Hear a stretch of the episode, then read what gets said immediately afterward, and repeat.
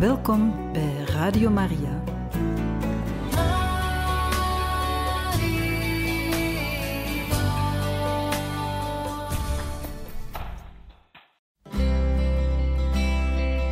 Welkom bij Boekat, een programma van Radio Maria.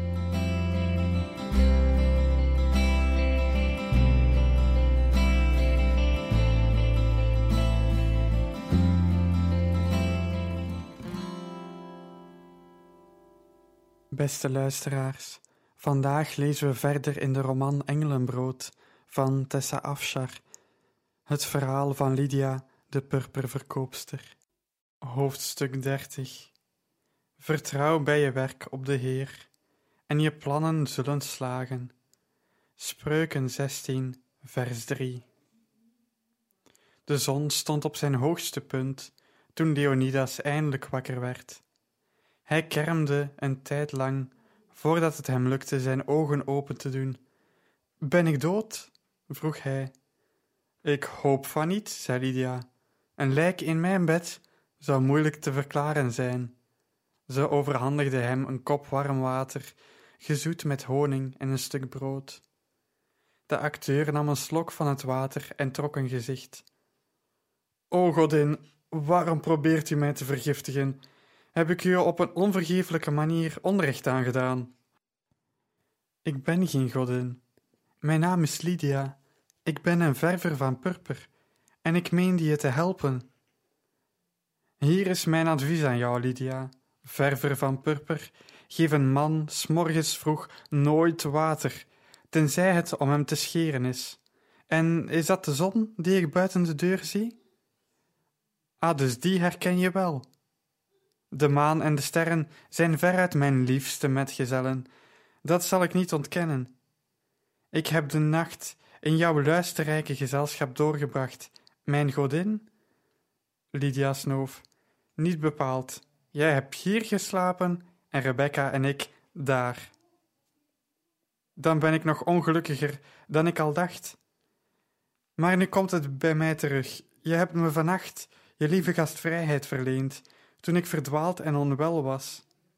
Wat zeldzaam om goedheid te vinden op deze aarde en die te ontvangen uit de handen van zo'n schitterend schepsel.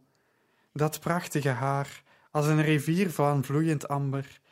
En dat zijn geen ogen, maar edelstenen, persisch turquoise met sterren bezet. Hoe werk je met verf? Zo'n gezicht moet door alle mannen worden gezien en bewonderd. Waarom kom je niet bij mij op het toneel staan? We zijn niet zo bekrompen meer als in vroeger tijden. Vrouwen mogen nu het edele beroep van acteur uitoefenen. Je zult stralen als Juno. Lydia keek een ogenblik naar het verlopen knappe gezicht. Jij moet nooit je eigen teksten gaan schrijven. Hij barstte in lachen uit. Het was misschien het eerste oprechte geluid dat uit zijn mond kwam. Misschien niet, erkende hij. Toen hij opstond, keek hij voor het eerst om zich heen. Hij stond verbluft toen hij een lap stof zag die Lydia net aan de muur had gehangen. Heb jij dit gemaakt? Lydia knikte. Wel, ik neem alles terug wat ik gezegd heb over je werken met verf. Je hoort op de berg Olympus. Waarom je werk in dit hol, in deze uithoek? Zelfs Rufus' werkplaats heeft met al zijn pracht en praal niet zoiets moois te bieden. En hoeveel wil je hiervoor hebben? Lydia noemde het bedrag. Een koopje, zei hij. Onmiddellijk haalde hij zijn geldbuidel tevoorschijn en telde hij het geld uit. En hier is een extraatje voor de moeite van vannacht. Hij vouwde de stof op en hield hem dicht tegen zijn borst, alsof hij er niet van kon scheiden. Bij de deur draaide hij zich om. Jij en je vriendin moeten vanavond naar het theater komen. Ik zal de beste plaatsen voor jullie laten bewaren, edele Lydia, mijn godin van het purper. En hij was net zo snel verdwenen als hij binnengevallen was, hoewel hij op weg naar buiten minder wankelde. Rebecca grinnikte. Je goedhartigheid heeft wel wat opgeleverd. Hij heeft het duurste stuk van de hele werkplaats gekocht en probeerde niet eens af te dingen.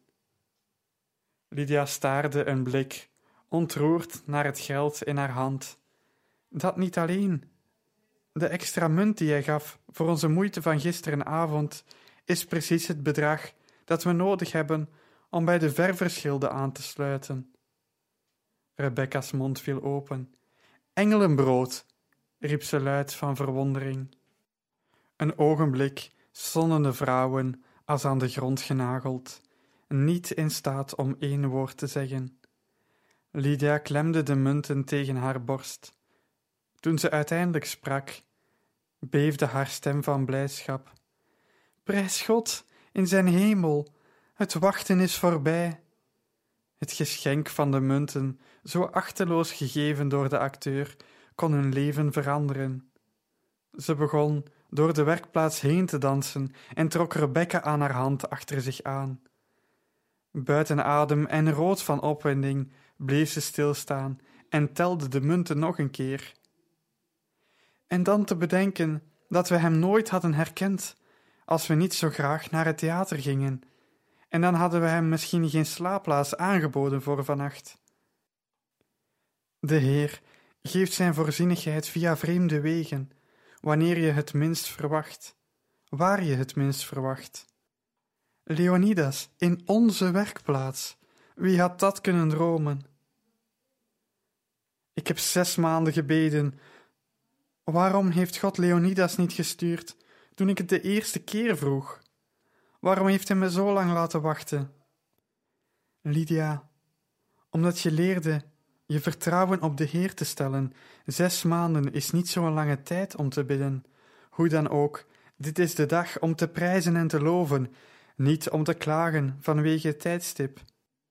Hij heeft de lange wachttijd beloond met de beste plaatsen voor een mooie theateruitvoering.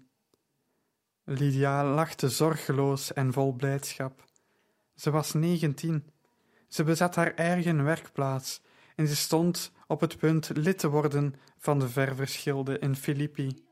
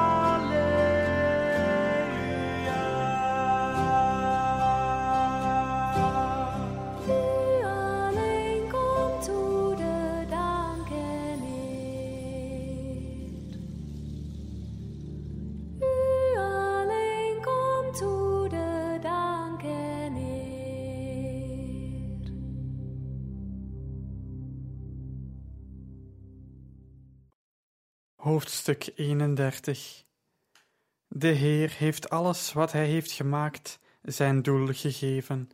Spreuken 16, vers 4 Je moet dit mistroostige huis uit, verkondigde Leonidas met zijn officiële acteurstem, terwijl hij met een stukje linnen zijn voorhoofd afveegde. Op straat stinkt het naar vuilnis van een maand oud. Een gemene aanval op een gevoelige neus. Weet je dat ik drie bekers onvermengde wijn moet drinken, alleen om genoeg moed te verzamelen om deze werkplaats te bezoeken? Jij moet drie bekers onverdunde wijn drinken om alleen al uit je bed te komen, zei Lydia. Bovendien maak ik het altijd goed met je als je komt. Leonidas was meer dan een goede klant en vriend geworden. Hij was een onmisbare aanwinst. Binnen een paar dagen na zijn bezoek kwamen veel vrienden van hem op de winkel af en deden royaal inkopen. Hun gelederen bevatten acteurs, filosofen en schrijvers, mannen die het niets konden schelen of Lydia getrouwd was of niet. Ze overtraden elke dag sociale regels en met veel plezier. Haar klantenbestand werd in grote hoeveelheid mondaine afnemers rijker. Dit schiet niet op, je moet verhuizen. En ik weet de perfecte locatie, zei Leonidas. Lydia ging op een omgekeerde mand zitten. Vertel. Ik heb een vriend, stinkend rijk, met een overvloed aan huurpercelen in Filippi. Een van zijn werkplaatsen is net leeg komen te staan. Vroeger zat er een olijfolieverkoper in. Die is vorige week in zijn slaap overleden, de arme kerel. En hij heeft niemand achtergelaten om het bedrijf over te nemen. En het is groter dan dit hol, dat jij een werkplaats noemt, en in een beter deel van de stad. Wat wil zeggen dat ik het niet kan betalen? Jawel hoor. Het zal je een paar stukken purper kosten. Mijn vriend is dol op de mantel die ik van je heb gekocht. Ik heb gezegd dat je er voor hem en zijn vrouw ook een zou maken, als hij je zijn werkplaats tegen een lagere huur gaf. Lydia richtte zich weer op. Zit er een marmeren plank in? Twee. De nieuwe werkplaats bleek een enorme verbetering vergeleken met Lydia's eerste accommodatie met twee marmeren planken, zoals Leonidas had beloofd, en een zilverkleurige muurkandelaar. Ze schaften een breder weefgetouw aan, nu ze meer ruimte hadden, waardoor ze grotere lappen stof konden produceren. De werkplaats leverde nog een extra geschenk op. De vrouw van middelbare leeftijd, die voor de olieverkoper had gewerkt, kwam op een dag langs om te kijken of ze een sjaal hadden gevonden die ze had laten liggen. Ze stond abrupt stil toen ze het nieuwe weefgetouw zag. Kunt u weven? vroeg Lydia, toen ze haar bewonderende blik zag. Mijn vader was een wever. Ik heb het als kind geleerd. Hebt u al nieuw werk gevonden nadat uw baas is gestorven? Ze schudde haar hoofd. Als je niet in een mijn wilt werken, zijn de banen hier schaars. Lydia wees naar het weefgetouw. Laat maar eens zien wat je kunt. Twee uur later hadden ze de vrouw in dienst genomen. Daardoor hadden Rebecca en zij meer tijd om zich met de verfproductie te bemoeien. Binnen een maand hadden ze hun handel verdubbeld. Emilia kwam met de generaal naar de nieuwe werkplaats. Ze keek om zich heen. Haar kleine oogjes twinkelden. Dit is een verbetering, zei ze. Wat vind je ervan, Varus? Dit is toch een prachtige werkplaats. Ze streek met haar vingers over een stuk scharlakenrood linnen.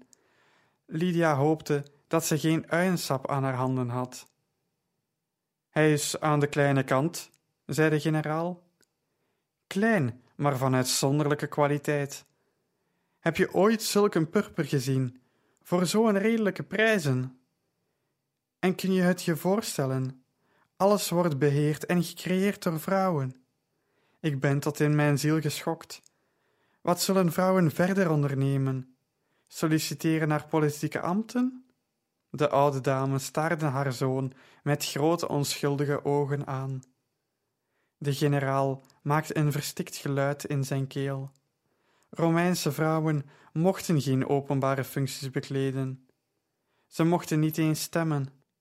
Hij stond met zijn mond vol tanden. Lydia kende het gevoel. Bij Emilia stond ze vaak met haar mond vol tanden. Wilt u een paar stukken zien, generaal? Voordat hij antwoord kon geven, sprak Emilia. Ik wil graag een feest geven. Een heel weelderig feest, Manius, zei ze, haar zoon bij de voornaam noemend, zoals alleen een familielid mocht. Voor mijn verjaardag.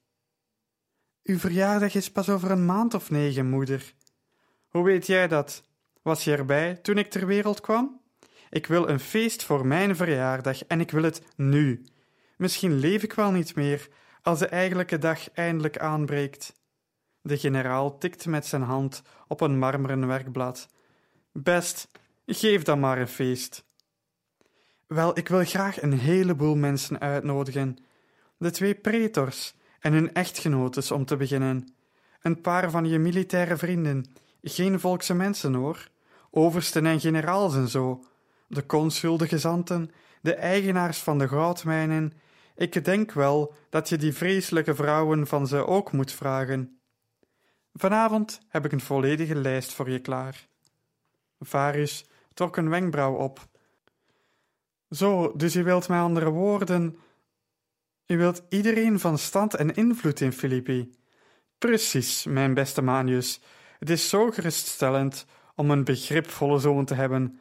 Oh, en vergeet niet deze twee, zei ze, terwijl ze met een kromme vinger naar Lydia en Rebecca wees. Varus omvatte zijn kin. Zo? En ik moet een nieuwe tunica hebben. Dit prachtige scharlaken is wel goed. Lydia kromp ineen. De oude dame had de duurste lap stof uit de hele werkplaats gepakt, nadat ze gratis mantels aan de huisbaas van haar nieuwe werkplaats had gegeven en er een linnen tunica voor Leonidas bij had gedaan als dank voor zijn hulp, kon ze het zich amper veroorloven een stuk van zo'n grote waarde voor de halve prijs te verkopen. Maar Lydia kon haar niet zwijgeren. In aanmerking genomen wat Amelia voor haar had gedaan. Ik zal het meteen voor u inpakken. Reken de volle prijs, kind. Mijn zoon betaalt. Het is mijn verjaardagsgeschenk. Varus rolde berustend met zijn ogen. Op weg naar buiten bleef de oude dame stilstaan. Trek iets passend aan voor de gelegenheid, Lydia. Geen oude, gerafelde tunica. Maak een kledingstuk voor jezelf, dat waardig is voor de menigte die ik ontvang. En doe in vredesnaam iets met je haar. Voor zo'n knappe vrouw heb je een merkwaardig gebrek aan ijdelheid. Lydia werd er stil van, net zo stil als de generaal was geworden. Emilia voegde er zacht fluisterend aan toe. Als je naar het feest komt, kom dan eerst even naar mijn vertrek, jij en die Jodin. Je zult niet zonder juwelen naar zo'n avond komen. Ik zal jullie een paar stukken lenen. Lydia keek scherp op. Juwelen? Ik heb toch gezegd dat we een succes van je zouden maken. Deze kleine werkplaats, hoe aardig ook, is maar een begin. Wacht maar tot ik klaar met je ben. Is het bij je opgekomen dat God Amelia misschien gestuurd heeft om ons te helpen? vroeg Rebecca toen de generaal en zijn moeder weg waren. Ik denk eerder dat Amelia de indruk heeft dat ze een god is. Rebecca glimlachte, maar God weet beter. En hij kan haar gebruiken op manieren die wij ons niet kunnen voorstellen. Koning Salomo heeft gezegd: De Heer heeft alles wat hij heeft gemaakt zijn doel gegeven. Emilia denkt dat zij met haar plannen de wereld regeert. Intussen gebruikt God die plannen voor zijn eigen doeleinden in je leven, Lydia.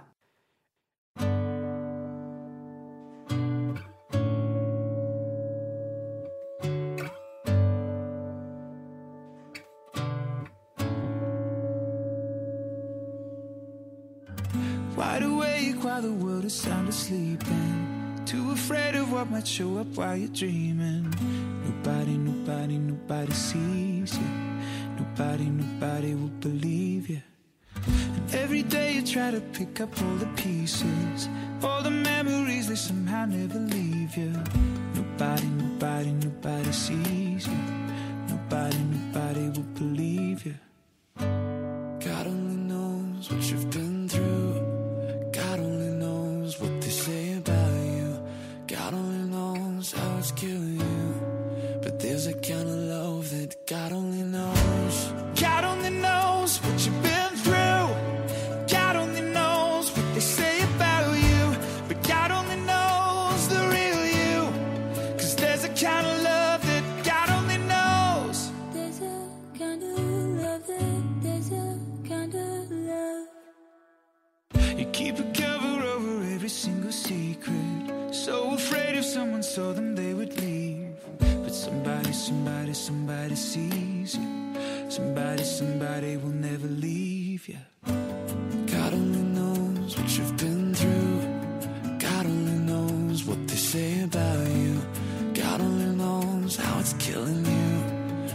There's a kind of love that God only knows.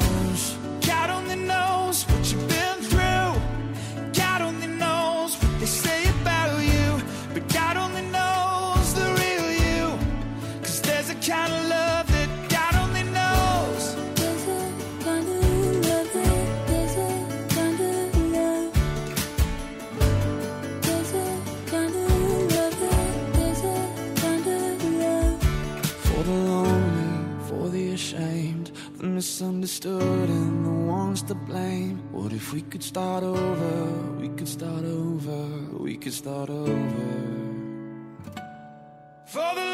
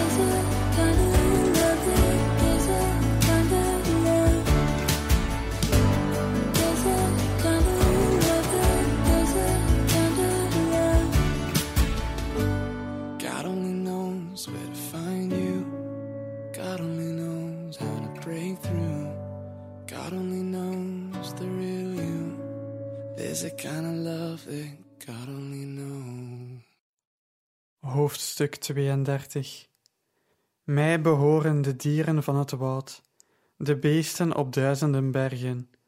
Ik ken alle vogels van het gebergte. Wat beweegt in het veld is van mij. Psalm 50, vers 10 en 11.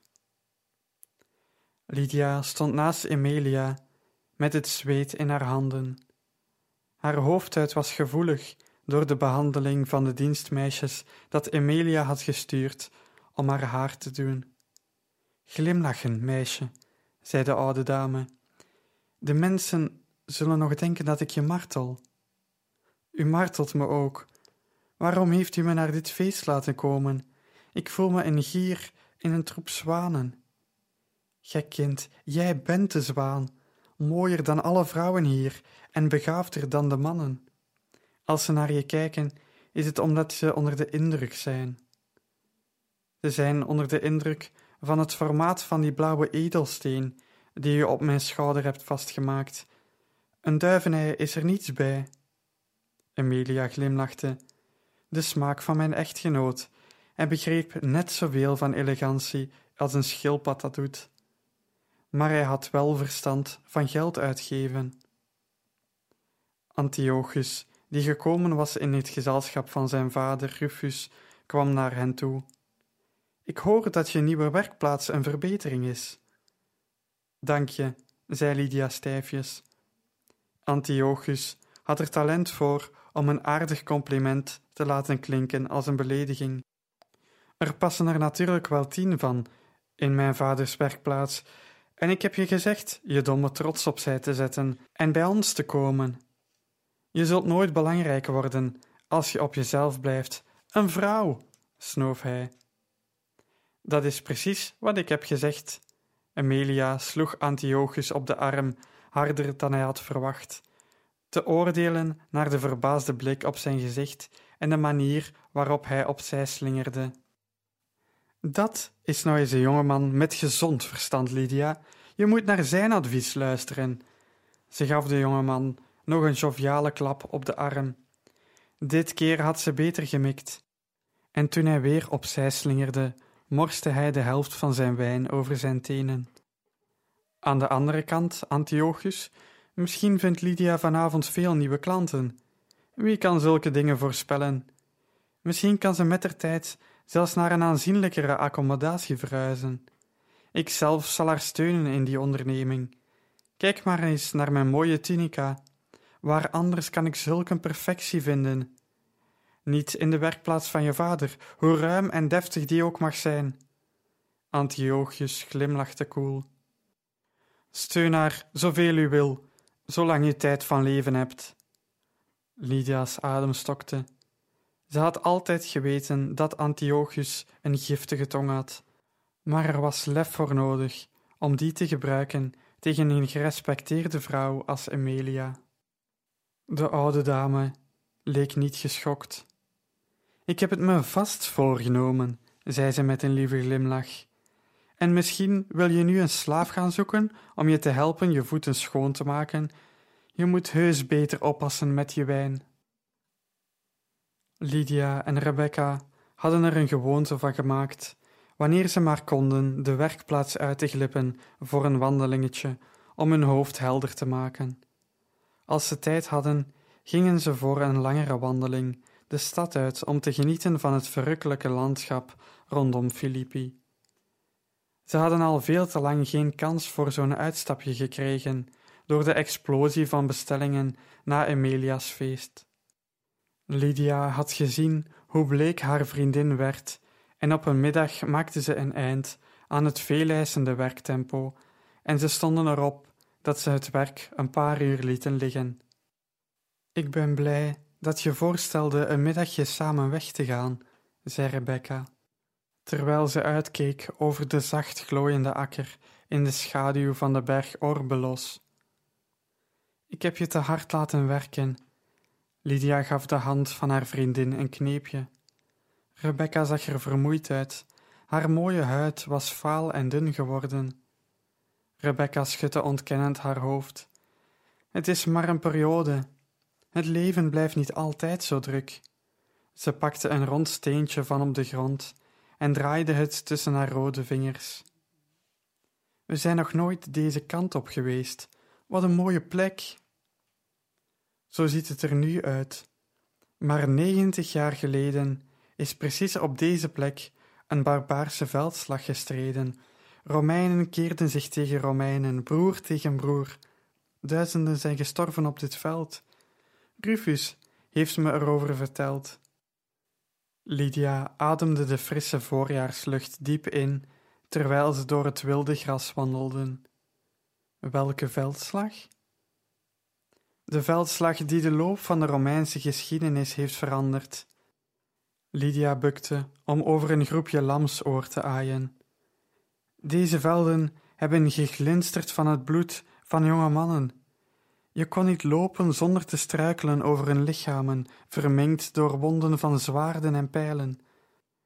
De veldslag van de troepen van Marcus Antonius en Octavianus tegen Brutus en Cassius, nadat de senator Julius Caesar hadden vermoord? Lydia knikte. Hier is de geschiedenis geschreven, precies op deze onopvallende plaats. Marcus Antonius en Octavianus waren mannen van keizer. Ze wilden bewaren wat hij had gebouwd en zijn waarden handhaven. Ze waren natuurlijk ook op zijn macht uit. De twee senators wilden liever een republiek. Hier kwamen hun legers bij elkaar. Marcus Antonius en Octavianus wonnen de oorlog en daarom heeft Rome nu keizers. Als deze velden eens konden spreken. Er is een vermakelijke anekdote over de dichter Horatius uit die veldslag. Lydia schermde haar ogen af tegen de zon. Hij was het toch die heeft gezegd: Leef dapper en toon een dapper front in het zicht van tegenspoed. Heeft hij hier gevochten? Ja, aan de verliezende kant. Toen Brutus zelfmoord pleegde, besefte Horatius dat hij niet aan de nederlaag kon ontkomen. Hij gooide zijn schild weg en rende voor zijn leven. Niks gedichten, niks dapper front. Hij rende gewoon zo hard als hij magere dichtersbeentjes toestonden. Rebecca lachte. Soms betekent moed wegrennen voor een gevecht. Ze installeerde zich op een bonkige grijze rots en bond haar sandaal opnieuw. Ruik je iets vreemds? Een brandlucht, ja. Lydia speurde het veld af. Uit haar ooghoek zag ze in de verte een streeplicht. Daar! Ze wees voordat het achter een groepje bosjes verdween. Een rilling van angst liep langs Lydia's rug. De vrouwen vielen stil. In de stilte hoorden ze een verschrikkelijk geluid, als het gillen van een gefolterd kind. Wat is dat? vroeg Rebecca vol afschuw. Ze zagen de vreemde streep licht weer. Dit keer was die dichterbij, en ze konden onderscheiden wat het was. Een konijn dat in brand stond, dat rende en gilde van pijn en angst. Lydia's adem stokte van afgrijzen. Het dier was te ver weg. Ze konden er niet bij. Ze konden het niet helpen. Het zou uiteindelijk sterven. Maar tot dat moment moest het de folteringen van de hel lijden. Rebecca bukte kalm en braakte. Lydia stond als bevroren, niet in staat om de onaardse gekrijsen van het dier uit haar hoofd te zetten. Hoe heeft zoiets kunnen gebeuren? Denk je dat het te dicht bij een kampvuur is gekomen? Rebecca schudde haar hoofd. Er stak een pijl uit zijn zij. Zag je het niet? Een pijl? Misschien heeft iemand geprobeerd het te doden, om het uit zijn ellende te helpen. Dat zou ik ook doen, als ik kon. Misschien, Rebecca wees in oostelijke richting. Het kwam van die kant, van achter dat bosje. Laten we gaan kijken. Rebecca, ik geloof dat het gebied vol moerassen zit. Het kan gevaarlijk zijn. Maar we doen het voorzichtig. Rebecca begon te rennen, zonder af te wachten of Lydia volgde. Lydia zette de achtervolging in en kon haar amper bijhouden. Ze kreeg een knoop in haar maag. Ik heb hier geen goed gevoel over, zei ze hijgend. Sst, fluisterde Rebecca. We zijn dichtbij. Waar dichtbij? Rebecca bleef stilstaan voor een lange muur van hoge struiken.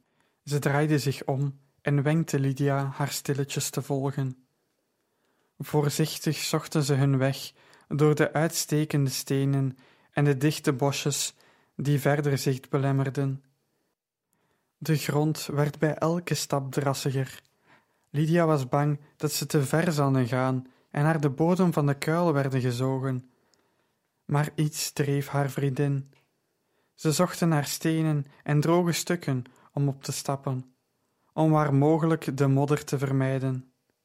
Marcus Antonius had hier een heel leger doorheen gevoerd, bracht Lydia zichzelf in herinnering. Hij vond stukken land die breed en droog genoeg waren om duizenden soldaten door het moeras te voeren, zonder mannen aan zijn diepte te verliezen. Rebecca en zij redden het wel. Nauwelijks had ze die gedachte voltooid, of haar voet zonk tot aan haar enkel de modder in. En zo, beste luisteraars, zijn we aan het einde gekomen van deze aflevering. In een volgende uitzending lezen we verder uit het boek Engelenbrood, het verhaal van Lydia de purperverkoopster van Tessa Afshar. Tot een volgende keer.